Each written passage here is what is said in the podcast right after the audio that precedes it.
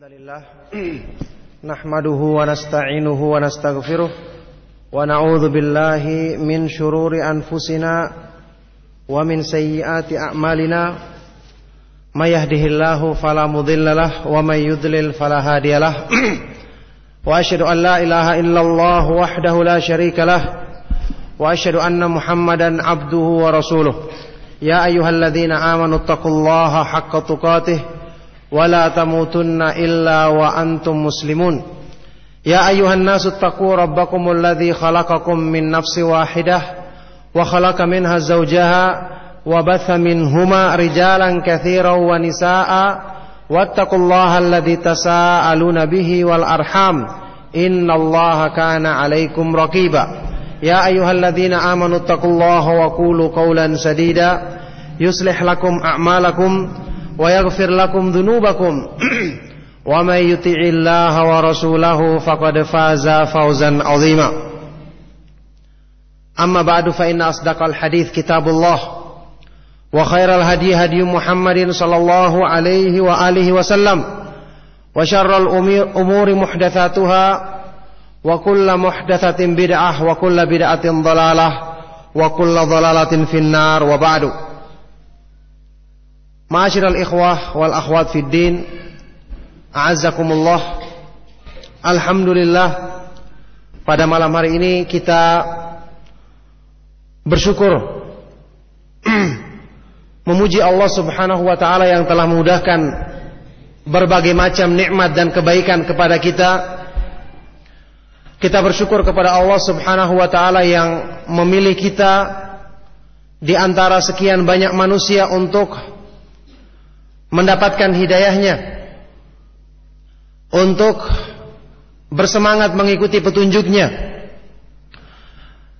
Kita bersyukur kepada Allah Subhanahu wa taala yang memilih kita dengan segala kekurangan yang ada pada diri kita untuk bisa mengenal Islam, mengenal jalan sunnah Nabi sallallahu alaihi wasallam. Wa rabbuka yakhluqu ma yasha'u wa yakhtar, ma kana lahumul khiyarah dan Allah Subhanahu wa taala dialah yang menciptakan apa yang dikehendakinya. Dan yakhtar memilih di antara mereka. Maka nalahumul khiyarah dan manusia sama sekali tidak punya hak untuk memilih. Maka masing-masing kita merasa bahwa Allah Subhanahu wa taala insyaallah memilih kita dengan petunjuknya. Memilih kita di antara sekian banyak manusia untuk bisa mengenal sunnah Nabi sallallahu alaihi wasallam. Yang dengan itu kita akan berpeluang untuk meraih banyak keutamaan dan kedudukan yang mulia, kedudukan yang mulia di sisinya. Ma'asyiral ikhwa fid din, a'azzakumullah. Di antara makna ayat yang saya sebutkan tadi, wa rabbuka yakhluqu ma yasha'u wa yakhtar. Allah Subhanahu wa taala menciptakan apa yang dikehendaki dan memilih Sebagaimana ini berlaku bagi manusia, ada orang-orang yang dipilih. Tentu saja pilihan yang paling pertama adalah orang-orang yang paling mulia kedudukannya di sisi Allah, para nabi alaihi wassalatu wassalam. Setelah itu, orang-orang yang mengikuti jalan mereka. Orang-orang yang mengikuti petunjuk mereka. Orang-orang yang mempelajari, memahami dan mengamalkan ilmu sunnah sunnah Rasulullah Sallallahu Alaihi Wasallam. Mereka inilah orang-orang yang dipilih setelah para nabi alaihi wassalam. Makanya Imam Ibnu Qayyim rahimahullah taala menafsirkan hadis wali, "Man adali waliyan faqad adzantuhu bil harbi, wa ma taqarraba ilayya 'abdi bi syai'in ahabba ilayya mimma aftaradtuhu alayhi, wa la yazalu 'abdi yataqarrabu ilayya bin nawafil hatta uhibbahu." Barang siapa yang musuhi kekasihku atau waliku, maka sungguh aku telah menyatakan peperangan terhadapnya. Dan tidaklah seorang hamba mendekatkan diri kepadaku dengan sesuatu yang lebih aku cintai daripada apa yang aku wajibkan kepadanya dan senantiasa hambaku mendekatkan diri kepadaku dengan hal-hal yang bersifat anjuran sehingga aku pun mencintainya. Ibnu Qayyim rahimahullah taala sewaktu menafsirkan hadis ini, beliau mengatakan wa warathatul anbiya'i hum sadatu awliya'illahi azza wa jal dan pewarisnya para nabi orang-orang yang mewarisi ilmunya para nabi, mewarisi jalan petunjuk yang ditempuh oleh para nabi, mereka itu adalah pemimpinnya, penghulunya para wali-wali Allah Subhanahu wa taala. Jadi subhanallah, tidakkah kita merasa yang kita bersyukur kepada Allah Subhanahu wa taala dipilih sebagai ahlu sunnah? Tidakkah kita merasa bahwasanya ini semua adalah pilihan dari Allah Subhanahu wa taala yang Allah khususkan bagi kita di antara sekian banyak manusia. Karena wali-wali Allah bahkan pemimpinnya adalah warathatul anbiya. Pewarisnya para nabi. Jadi sejauh mana manusia berusaha mengambil bagian yang besar dari warisannya para nabi maka semakin sempurna pula tingkat kewalian dalam dirinya. Yang ini sekaligus merupakan peringatan bagi orang-orang yang menentang dakwah sunnah. Menentang dakwah sunnah Nabi Shallallahu Alaihi Wasallam atau membenci seorang ahlu sunnah karena berpegangnya dia kepada sunnah, maka ini Allah Subhanahu Wa Taala nyatakan dalam hadis yang kita kenal tadi, fakod tuhu bil harb, sungguh aku telah mengumumkan peperangan permusuhan terhadapnya. Maka naudzubillahi min dalik. Hati-hati peringatan bagi orang-orang yang membenci dakwah sunnah Nabi Sallallahu Alaihi Wasallam, sebagaimana mencintai orang yang berilmu karena ilmunya, karena sunnah yang dipegangnya adalah ibadah, bagian besar untuk mendekatkan diri kepada Allah Subhanahu Wa Taala. Ali bin Abi Thalib radhiyallahu taala anhu dalam sebuah athar yang sahih pernah mengatakan, "Wa mahabbatul alimi dinun yudanu biha." Dan mencintai orang yang berilmu mencintai orang yang memahami sunnah karena sunnah yang dilakukannya atau yang dipegang teguhnya adalah termasuk din bagian dari agama yang seseorang beribadah kepada Allah Subhanahu wa taala dengannya. Maka demikian pula sebaliknya membenci seorang yang berpegang teguh dengan sunnah membenci orang-orang yang berpegang teguh dengan sunnah karena sunnah yang dipegangnya wal adalah termasuk perbuatan yang sangat dibenci oleh Allah Subhanahu wa taala sehingga antum ketahui keterangan dari para ulama di antaranya Syekh bin Bas rahimahullah taala sewaktu menafsirkan keumuman daripada makna firman Allah Subhanahu wa taala dalam ayat yang terkenal dalam surat At-Taubah, "Qul abillahi wa ayatihi wa rasulihi kuntum tastahzi'un la ta'tadiru qad kafartum ba'da imanikum." Katakanlah apakah terhadap Allah? Terhadap ayat-ayatnya dan terhadap Rasulnya Shallallahu Alaihi Wasallam kalian berani memperolok-olok, mengejek, janganlah kalian meminta maaf. Sungguh kalian telah kufur setelah beriman. Beliau mengatakan termasuk dalam keumuman kufur yang diancam dalam ayat ini adalah orang yang membenci orang yang berilmu karena ilmu yang dimilikinya. Membenci seorang ahlu sunnah karena berpegang teguhnya dia kepada sunnah Adapun kalau dia membenci karena akhlak orang tersebut buruk, ada tingkah lakunya yang tidak sesuai dengan pemahaman Islam yang benar, maka ini tidak sampai hukumnya demikian. maka ini perkaranya lain. Tetapi yang jadi masalah adalah kalau ada orang yang membenci orang lain, naudzubillah min dalik, karena orang lain itu berpegang teguh kepada sunnah Nabi Shallallahu Alaihi Wasallam, maka terkena dalam ancaman dalam ancaman ayat ini. maka ya ikhwatu fillah di sini sebagai kabar gembira bagi kita semua bahwasanya Allah Subhanahu wa taala memuliakan orang-orang yang berilmu dengan ilmu yang mereka miliki yang dengan itu mereka menjadikannya sarana untuk menyempurnakan ketakwaan kepada Allah Subhanahu wa taala. Maka oleh karena itu ya ikhwatu fillah berbahagialah dengan ilmu sunnah yang kita pelajari. Berbanggalah dengan kegiatan mengadakan pengajian sunnah yang selalu kita galakan. Karena itu demi Allah merupakan sebesar-besar nikmat. Itu merupakan karunia yang agung yang Allah Subhanahu wa taala perintahkan kita dalam Al-Qur'an untuk berbangga dengannya. Allah Subhanahu wa taala berfirman, "Qul bi fadlillahi wa bi rahmatihi fabidzalika falyafrahu huwa khairun mimma yajma'un." Katakanlah dengan karunia dari Allah yaitu keimanan Wabi rahmatihi dan dengan rahmatnya yaitu Al-Quran. Maka dengan itu hendaknya mereka berbangga. Orang-orang yang berilmu merasa puas dan merasa cukup. Karena itu semua lebih baik daripada semua kemewahan dunia yang dihimpun dan dikumpulkan oleh manusia. Jadi Allah memerintahkan orang-orang yang berilmu dalam ayat ini untuk merasa bangga dengan iman dan Al-Quran. Yang keduanya kembali kesimpulannya kepada ilmu yang bermanfaat dan amalan soleh. Maka seandainya tidak ada keutamaan ilmu kecuali ayat ini, lakafabihi syarafan wa fadla. Cukuplah itu sebagai keutamaan dan kemuliaan kata Imam Ibnu Qayyim rahimahullah taala. Maka ini semua kebanggaan jalan takwa kepada Allah Subhanahu wa taala dalam berbagai macam ibadah tidak akan dicapai kecuali melalui jalan ilmu. Kata Imam Sufyan Ats-Tsauri, "Innama yuta'allamul ilmu li'annahu yuttaqallahu bihi wa innama fuddila al-ilmu ala ghairihi li'annahu yuttaqallahu bihi." Hanyalah ilmu itu dipelajari karena dengan ilmu itu seseorang mencapai takwa kepada Allah dan hanyalah ilmu itu diutamakan dibandingkan amal-amal yang lainnya karena dengan ilmu itu seseorang mencapai takwa kepada Allah Subhanahu wa taala. Ma'asyiral ikhwa fid din rahimakumullah. Tema kajian kita pada malam hari ini tidak lepas dari masalah takwa yang merupakan cita-cita dan keinginan setiap manusia. Kalimat takwa yang kita tema tema yang kita ambil pada malam hari ini adalah menyambut bulan Ramadan.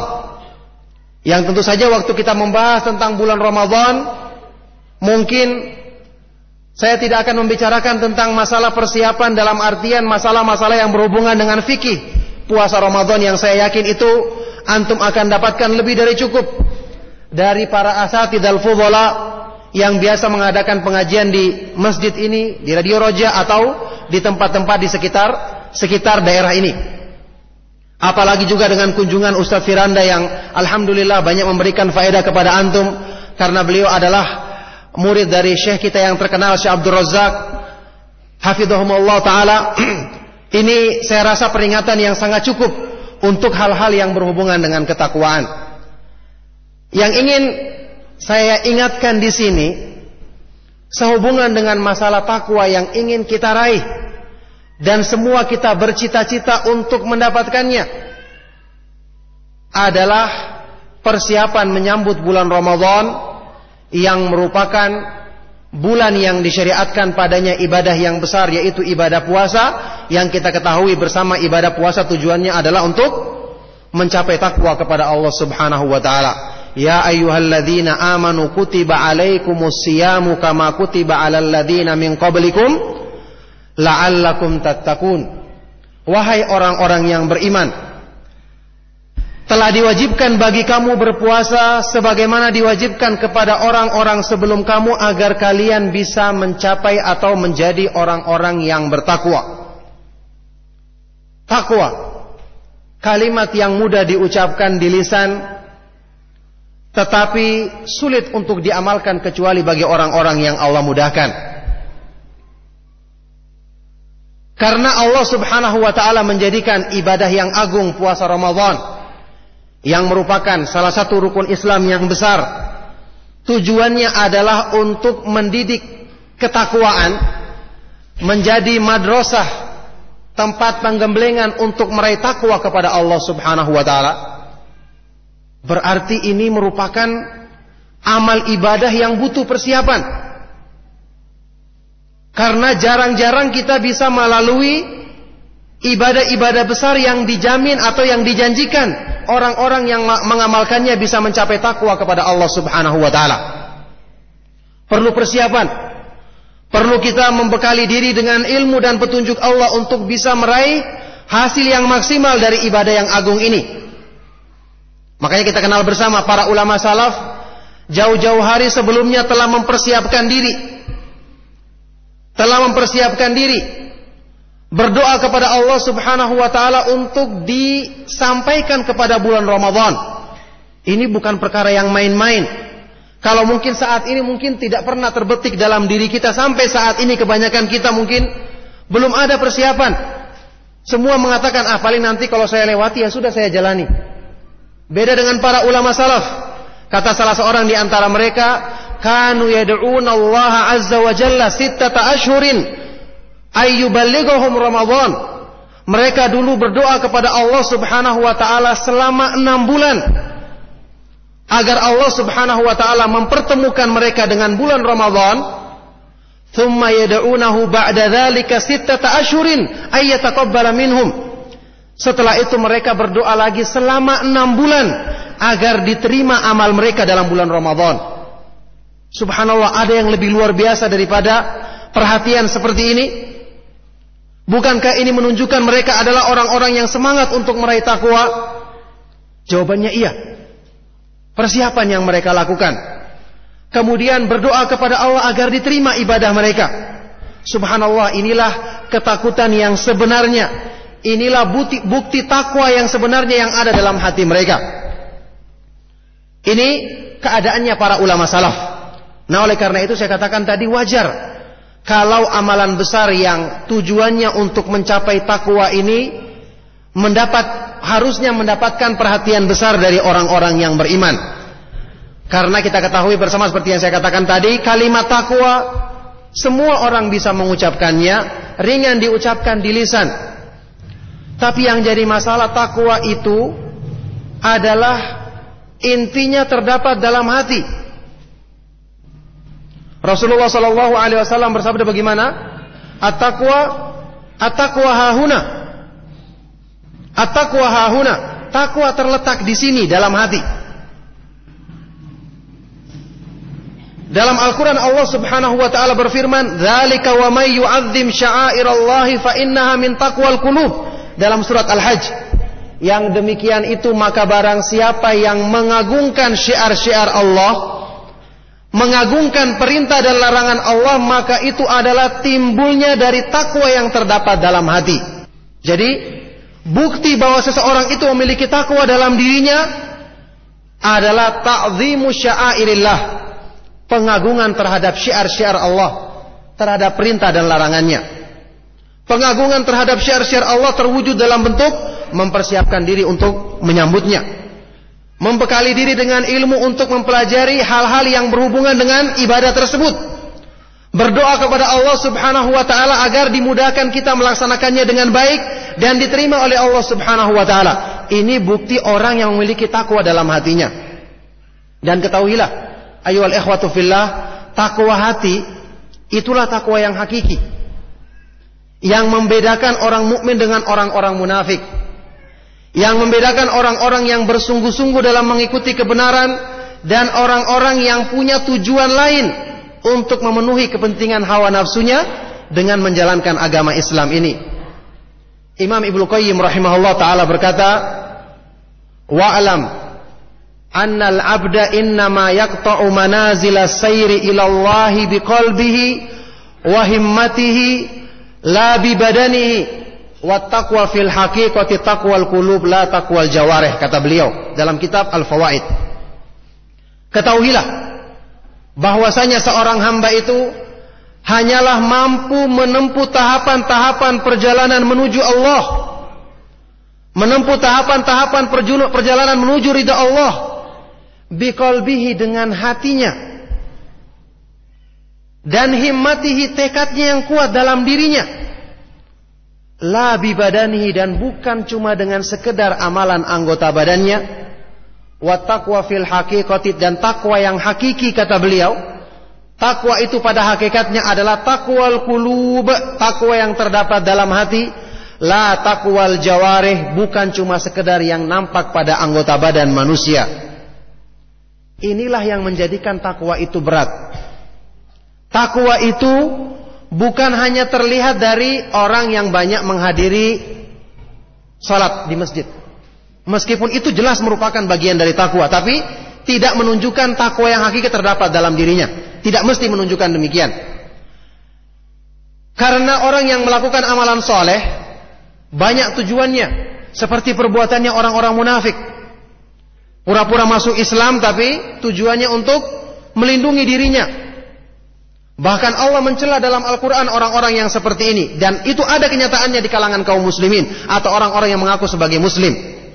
Allah berfirman, وَمِنَ النَّاسِ مَنْ يَعْبُدُ اللَّهَ عَلَى حَرْفٍ فَإِنْ أَصَابَهُ خَيْرٌ يَطْمَأَنَّ بِهِ وَإِنْ أَصَابَتْهُ فِتْنَةٌ انْقَلَبَ عَلَى وَجْهِهِ خَسِرَ الدُّنْيَا وَالْآخِرَةِ ذَلِكَ هُوَ الْخُسْرَانُ الْمُبِينَ Dan di antara manusia ada orang-orang yang masuk Islam dengan berdiri di tepi.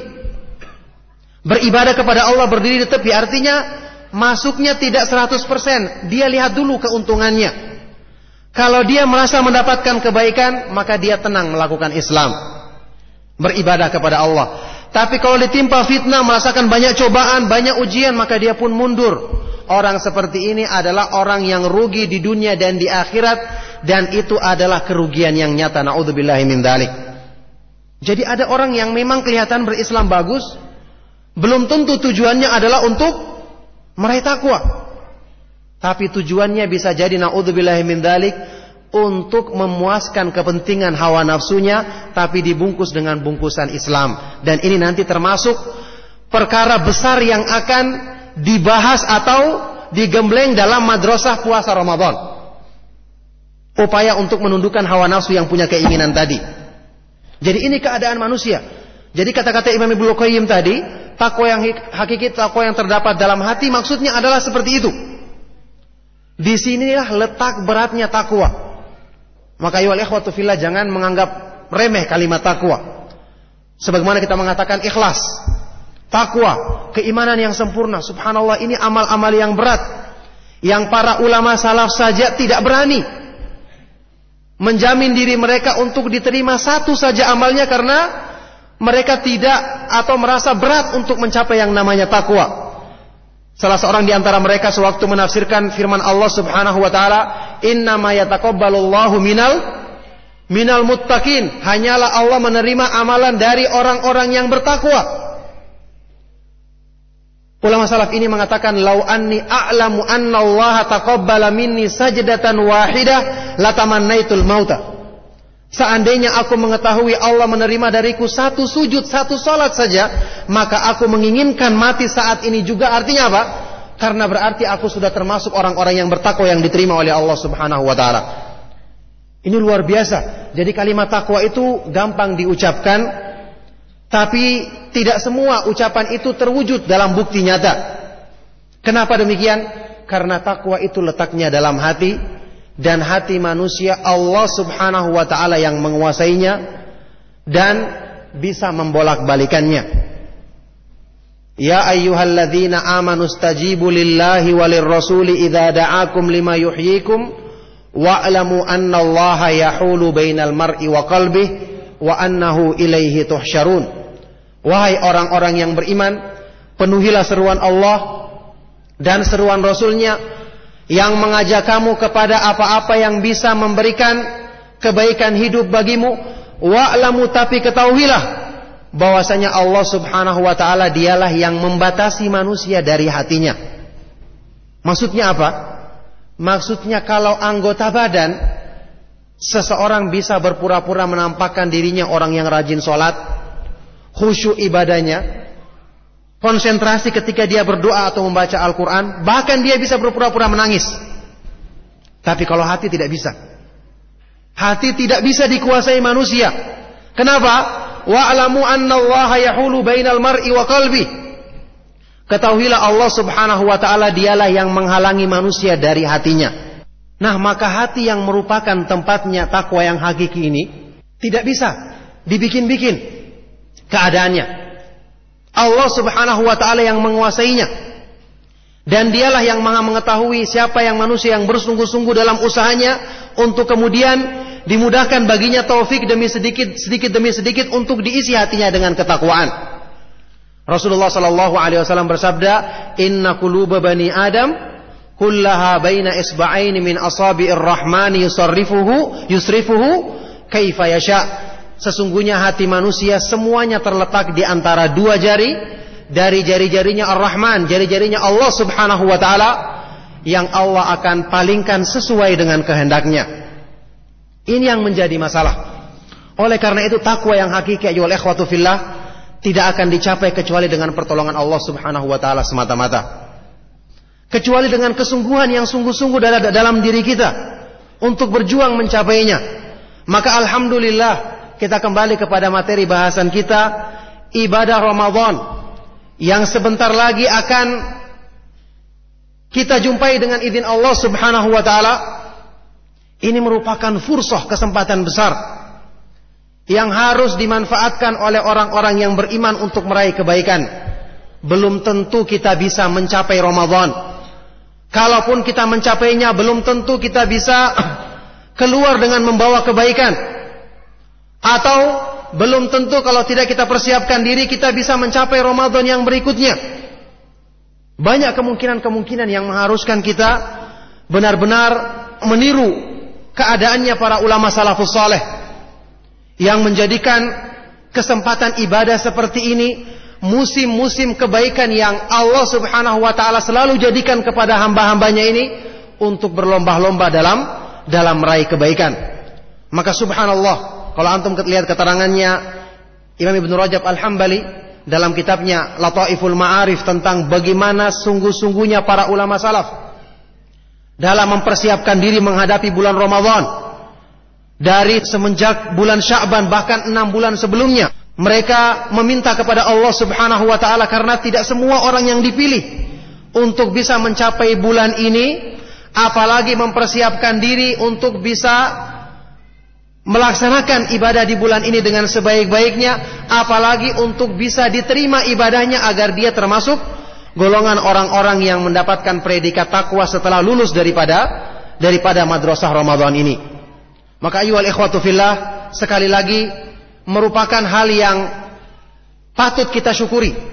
Kita bergembira jika Allah Subhanahu wa taala mempertemukan kita dengan bulan yang agung ini dalam keadaan kita sudah mempersiapkan diri sebelumnya.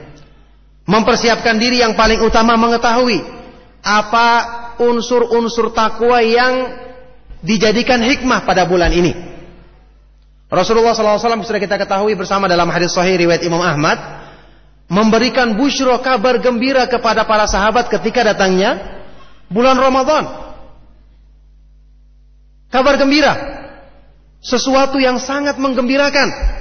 Dan kita ketahui Rasulullah SAW tidak akan memberikan kabar gembira kepada umatnya kecuali dalam kebaikan yang berhubungan dengan iman Sebagaimana Nabi, Nabi Shallallahu Alaihi Wasallam bersabda dalam hadis Sahih riwayat Imam Ahmad di hadapan para sahabatnya, "Ja'akum syahru Ramadan, wa huwa syahrun mubarak. Qad faradallahu fihi siyamahu, fihi tuftahu abwabul jinan, wa tuglagu abwabun niran."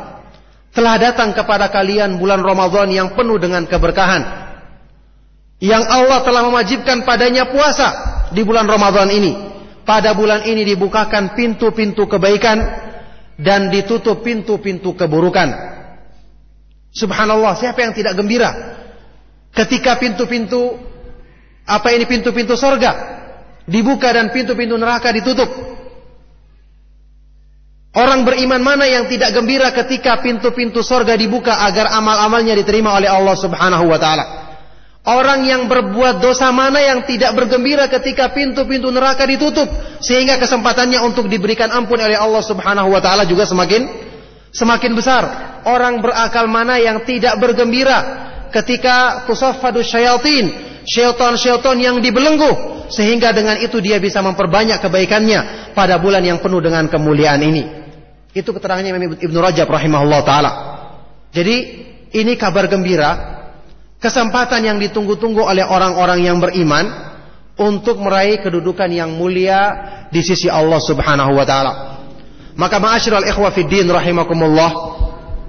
Sekali lagi persiapan untuk meraih takwa di bulan Ramadan adalah dengan merenungkan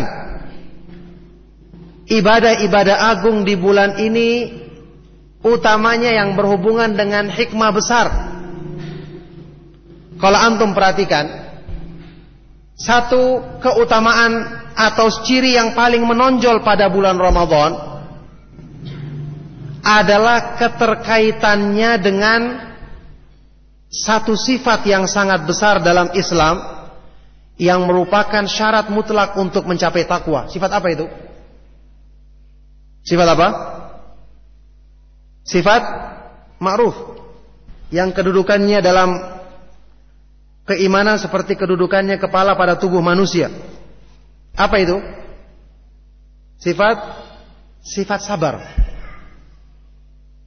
Sangat sederhana. Sifat sabar. Sifat yang sederhana, mungkin semua orang mengaku memilikinya, tapi belum tentu terbukti secara benar. Sifat sabar yang saya katakan tadi Ibnu Qayyim rahimahullah taala fa innahu fil imani bimanzilatil jasadi bimanzilatir ra'si fil jasad. Fa idza quti'ar ra'su fala baqa'a lil jasad. Kedudukannya sabar pada keimanan adalah seperti kedudukannya kepala pada tubuh manusia yang kalau kepala itu dihilangkan maka apa artinya tubuh? Tidak ada kehidupan baginya sabar hilang dari keimanan binasa keimanannya sifat yang utama ini paling menonjol kita dapatkan ada pada puasa Ramadan maupun puasa-puasa sunnah yang lainnya. Dari segi mana? Dari segi bahwa puasa itu sendiri bagian dari kesabaran. Seperti kata Imam Ibn Rajab rahimahullah taala.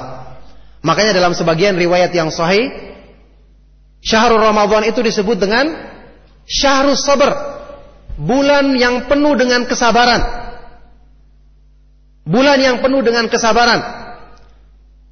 Sampai-sampai Imam Ibn Rajab Al-Hambali rahimahullah ta'ala menerangkan bahwa unsur-unsur kesabaran yang terdapat pada bulan Ramadan itu sangat uh, keterkaitan antara keduanya. Puasa Ramadan dengan kesabaran itu sangat erat sekali. Karena pada puasa Ramadan semua jenis-jenis kesabaran dilakukan oleh manusia. Kita ketahui sabar ada tiga jenisnya. Sabar dalam melaksanakan ketaatan kepada Allah Subhanahu wa taala. Di bulan Ramadan jelas terlihat nyata. Sabar dalam meninggalkan apa-apa yang dilarang oleh Allah. Dilarang makan, minum, dilarang melakukan hal-hal yang membatalkan puasa yang lainnya. Bahkan unsur kesabaran dalam masalah ini lebih besar lagi. Kenapa? Kalau larangan-larangan di bulan Ramadan, kalau perbuatan-perbuatan maksiat biasa, manusia terbiasa meninggalkannya. Tapi di bulan Ramadan perkara yang asalnya mubah diperintahkan untuk ditinggalkan. Allah perintahkan manusia untuk meninggalkannya karena taat kepada Allah maka unsur kesabarannya dan upaya yang menundukkan hawa nafsu agar bisa bersabar lebih besar lagi dibandingkan dengan meninggalkan perbuatan maksiat yang lainnya. Yang ketiga, bersabar dalam menghadapi ketentuan-ketentuan Allah yang tidak sesuai dengan keinginan manusia, hawa nafsu manusia. Dalam puasa orang merasakan lemah, orang merasakan haus, kadang-kadang sakit. Dia harus bersabar. Maka secara keseluruhan jenis-jenis kesabaran ada pada puasa Ramadan. Ini di antara segi yang menunjukkan keterkaitan antara dua ibadah ini. Ada satu segi lagi yang menunjukkan yang juga sangat jelas menunjukkan keterkaitan antara kesabaran dengan puasa Ramadan. Ada yang bisa sebutkan? Fadol. Kalau ada yang bisa sebutkan segi apa yang menunjukkan eratnya hubungan antara kesabaran dengan puasa Ramadan. Apa itu? Ada yang ingat? Atau memang tidak pernah diingat? Anak yakin antum tahu, cuman eh, kadang-kadang uh, lupa. Jadi kadang-kadang lupa, kadang-kadang nggak ingat. Kalau disebutkan ingat semua baru itu ya.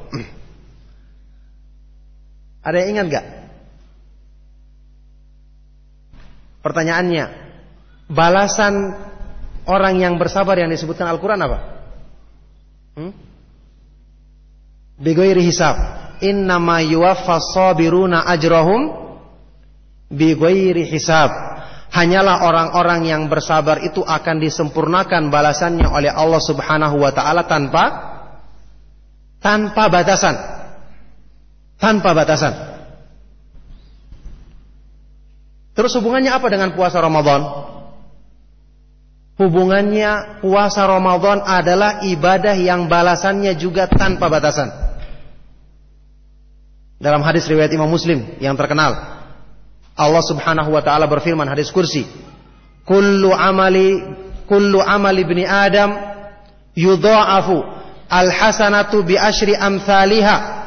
Qala Allah azza wa jalla illa illa saum fa innahu li wa ana ajzi bihi yada'u ta'amahu wa syahwatahu li semua amal perbuatan yang dilakukan oleh manusia akan dilipat gandakan. Satu kebaikan dilipat gandakan menjadi sepuluh kali lipat. Dalam riwayat lain ada tambahan ila sab'i mi'ati dhi'fin ila adha'afin kathira sampai tujuh ratus kali lipat sampai berlipat-lipat ganda yang banyak. Kemudian Allah berfirman apa? Illa saum atau illa siam kecuali ibadah puasa. Apa artinya? Apa maknanya? Kecuali ibadah puasa yang tidak ada batasan balasan pahalanya. Bigoiri hisab. Tidak ada batasan hitungan pahalanya, keutamaannya. Kenapa? Allah menyebutkan alasannya dalam hadis kursi ini, fa li wa ana ajzi bi. Karena puasa adalah untukku, ditujukan untukku dan aku sendiri yang akan membalasnya. Yada ta'amahu wa syahwatahu li karena dia meninggalkan makan dan syahwatnya karena mengikuti keridhaanku. Inilah puasa yang sangat erat kaitannya dengan kesabaran. Yang memang puasa itu merupakan ajang melatih kesabaran yang hubungannya adalah karena kedua-duanya adalah amalan yang dijanjikan balasan pahalanya tidak terbatas. Baik, sekarang kita perhatikan. Ayo al ikhwatu karena waktu saya ringkas. kita perhatikan Bagaimana kaitannya antara puasa dalam upaya untuk mencapai kesabaran atau untuk mencapai takwa kepada Allah Subhanahu wa taala? Dalam berbagai kajian saya sering menyebutkan nukilan ucapannya Imam Ibnu Qayyim rahimahullah taala tentang hubungannya dengan hawa nafsu. Beliau mengatakan, "Ajma as-sa'iruna ilallah ala ikhtilafi turukihim wa tabayuni sulukihim ala anna nafsa hiyal qati'atu bainal abdi wa bainal wusuli ila rabbi tabaraka wa ta'ala. Semua orang-orang yang menempuh jalan menuju Allah meskipun berbeda-beda jalan yang mereka tempuh semua sepakat mengatakan bahwa nafsu manusia adalah penghalang utama bagi mereka untuk mencapai ridho Allah Subhanahu wa taala. Masalahnya di sini yang menghalangi takwa itu.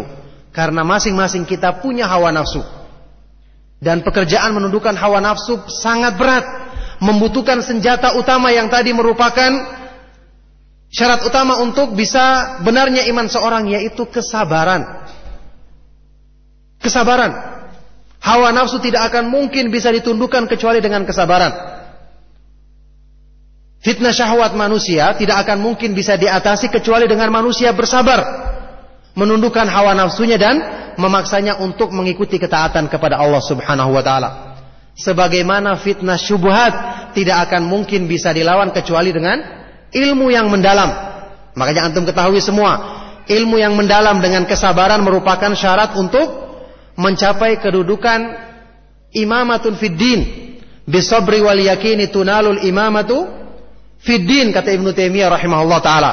Dengan kesabaran dan keyakinan yaitu ilmu yang mendalam dengan cara itulah orang mencapai tingkatan keimaman pemimpin dalam agama. Berdasarkan firman Allah Subhanahu wa taala wa ja'alna minhum a'immata yahduna bi amrina lamma sabaru wa kanu bi ayatina yuqinun. Dan kami jadikan di antara mereka pemimpin-pemimpin dalam agama yang mereka mengambil petunjuk dari perintah kami dan mereka adalah orang-orang yang yakin terhadap ayat-ayat kami yaitu memahami dengan mendalam ayat-ayat kami. Maka siapa yang tidak punya kesabaran jangan mimpi untuk bertakwa. Siapa yang tidak mau berjuang dengan kesabaran, melatih kesabarannya untuk menundukkan hawa nafsunya yang merupakan tunggangan utama syaitan untuk memalingkan manusia dari jalannya, siapa yang tidak punya kesabaran maka selama-lamanya dia tidak akan mencapai takwa kepada Allah Subhanahu wa taala. Maka ayu ikhwatu fillah, inilah unsur yang paling utama yang terdapat pada puasa. Puasa artinya adalah mengendalikan hawa nafsu. Puasa artinya adalah memaksa hawa nafsu untuk selalu menjalankan ketaatan kepada Allah Subhanahu wa taala. Maka orang-orang yang bisa bersungguh-sungguh menundukkan hawa nafsunya selama di bulan Ramadan, untuk selalu diarahkan kepada ketaatan, diarahkan untuk meninggalkan perbuatan-perbuatan maksiat. kalau dia terus melakukannya dengan menetapi hal tersebut sampai setelah Ramadan, maka insya Allah dia adalah termasuk orang-orang yang dimudahkan baginya untuk meraih ketakwaan kepada Allah Subhanahu wa taala.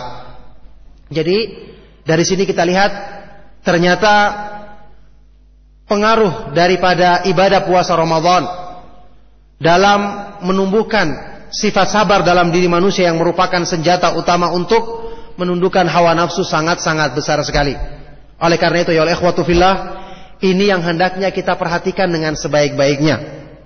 Inilah yang kita usahakan dalam ibadah puasa Ramadan yang akan kita sambut nanti. Dengan tentu saja jangan dilupakan bahwa kesabaran yang merupakan buah dari puasa Ramadan untuk meraih takwa kepada Allah Subhanahu wa taala tentu saja dicapai dengan melakukan ibadah puasa yang sesuai dengan sunnah Nabi Shallallahu Alaihi Wasallam ikhlas kepada Allah Subhanahu Wa Taala maka di samping mempersiapkan mental kita yang paling penting juga mempersiapkan ilmu. Karena semua ibadah yang disyariatkan dalam Islam keutamaannya yang bermacam-macam dan besar kita ketahui akan diraih oleh manusia bertingkat-tingkat di hadapan Allah Subhanahu wa taala sesuai dengan bertingkat-tingkatnya keikhlasan mereka dan pemahaman serta pengamalan mereka terhadap sunnah Nabi Shallallahu Alaihi Wasallam dalam ibadah yang mereka yang mereka lakukan kita ketahui bersama inilah makna sabda Nabi Shallallahu Alaihi Wasallam yang berhubungan dengan solat.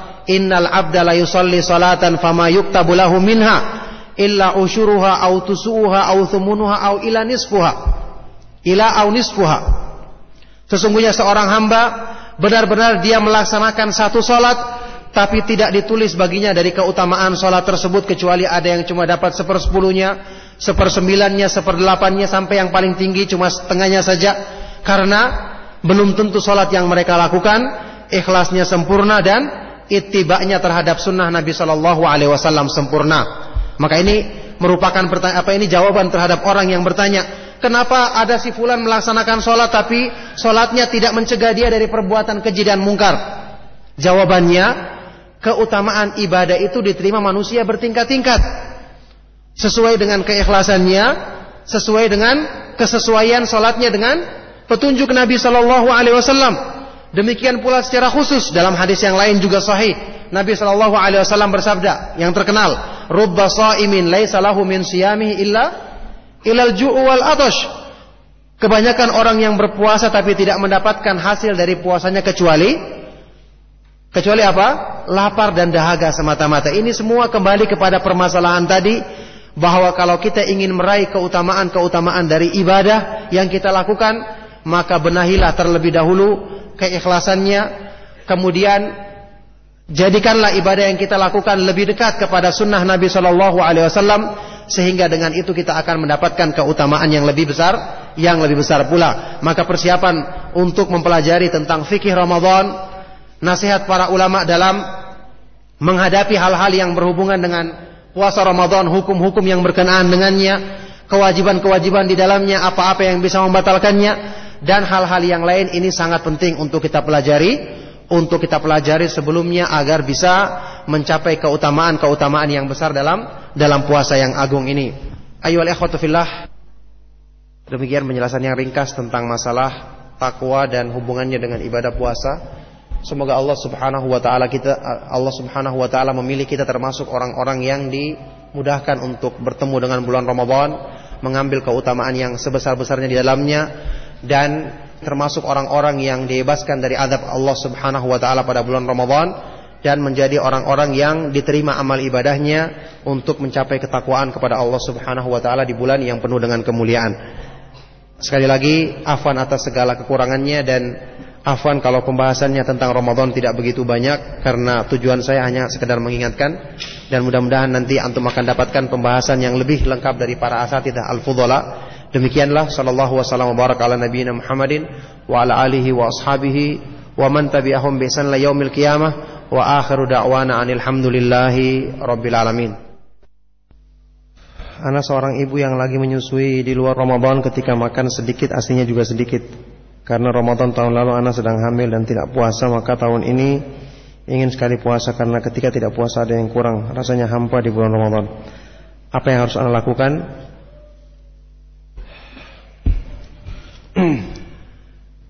Ittaqullaha mastata'tum. Bertakwalah kepada Allah sesuai dengan kesanggupanmu, semaksimal mungkin yang mampu kamu lakukan.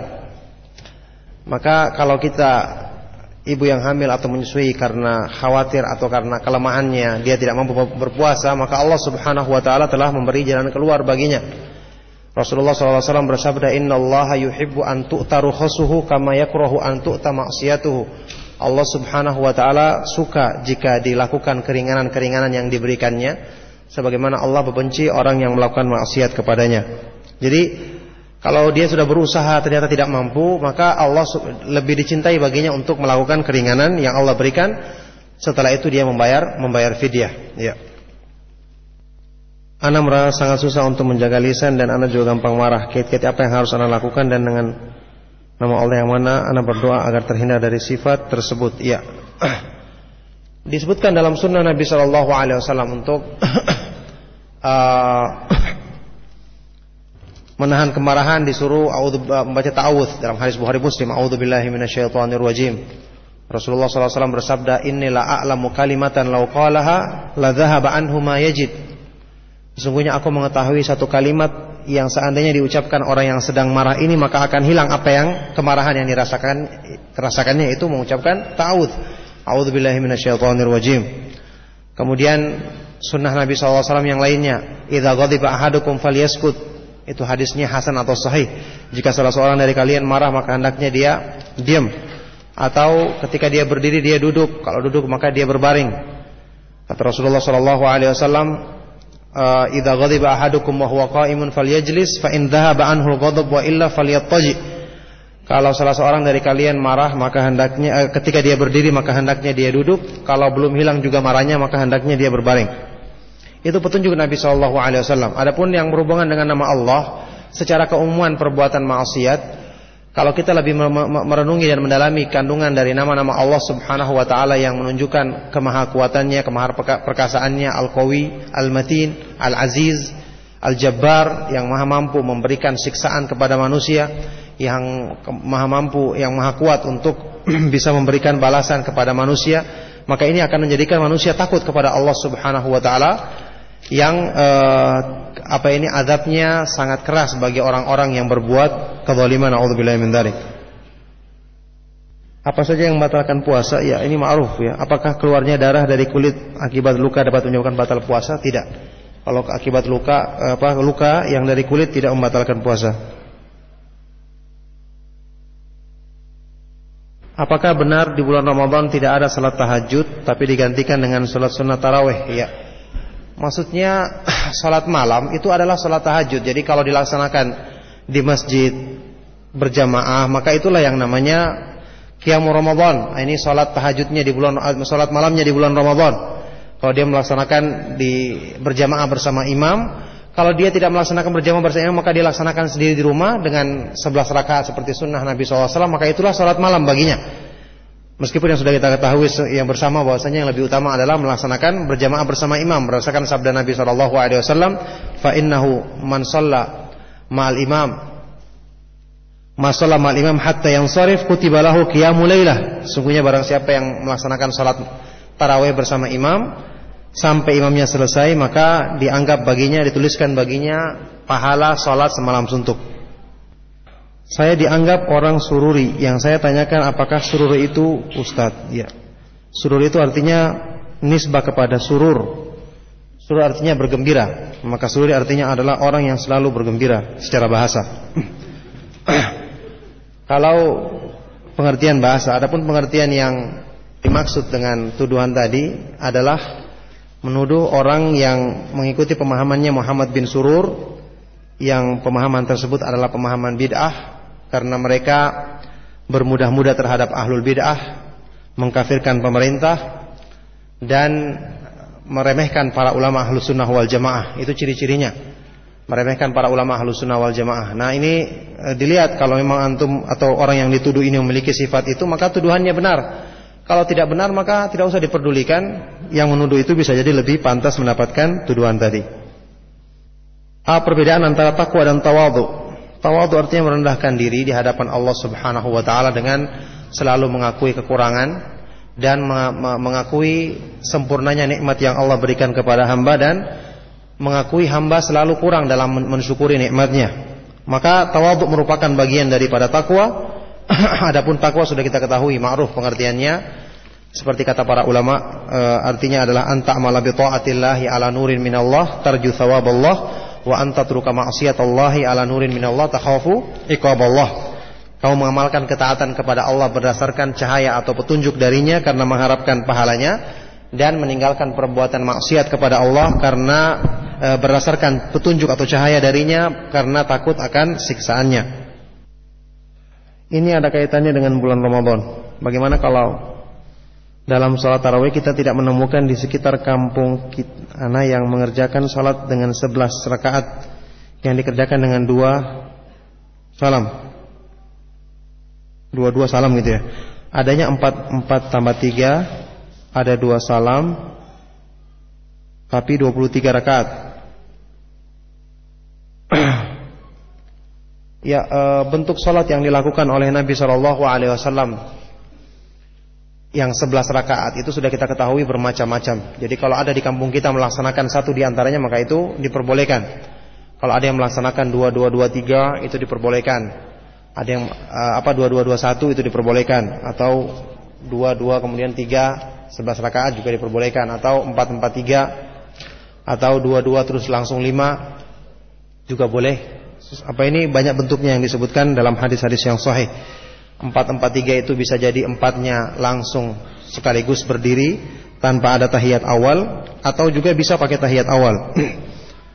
Seperti salat duhur. Yang melaksanakan seperti ini diperbolehkan. Adapun kalau lebih dari 11 rakaat itu ada perselisihan di kalangan para ulama. Sebagian besar atau mayoritas para ulama saat ini khususnya para masyayikh yang ada di Arab Saudi mereka mengatakan lebih dari 11 rakaat itu diperbolehkan Adapun 11 rakaat yang sesuai dengan tata cara sholatnya Nabi SAW yang panjang itu lebih utama, tetapi tidak e, me menjadikan yang lebih daripada itu dikatakan haram atau tidak diperbolehkan. Maka kalau kita ingin dapat keutamaannya kita sholat bersama imam dan cuma itu adanya, tidak bisa kita laksanakan sunnah dengan pendapat para masyayikh yang ada di Saudi ini maka itu diperbolehkan untuk kita mengikutinya. Bagaimana cara membedakan tangisan yang hanya di mata dengan tangisan yang merupakan tangisan hati? Ya sulit dibedakan karena sama-sama menangis dan sama-sama ada air matanya. Masalahnya hati kan tidak ada yang tahu kecuali Allah Subhanahu wa taala. Cuman kalau itu orang yang menangis adalah orang yang akidahnya bagus, seorang ahlu sunnah, maka kita husnudon kepada dia. Dia ini menangis karena Allah Subhanahu wa taala karena takut akan dosa-dosanya. Ya. Bagaimana cara menghidupkan hati yang telah mati? Yang paling utama dihidupkan adalah dengan petunjuk Allah, dengan ilmu. Karena kebodohan itu adalah yang mematikan hati manusia. Kata seorang penyair, "Wa fil jahli qoblal mauti mautun li ahli, wa ajsaduhum qoblal kuburi kuburu." Pada sifat kebodohan, sebelum orangnya mati, terlebih dahulu dia telah mati di hadapan Allah dan tubuh-tubuh mereka sebelum dimasukkan ke dalam kuburan telah terlebih dahulu telah menjadi kuburan bagi hatinya.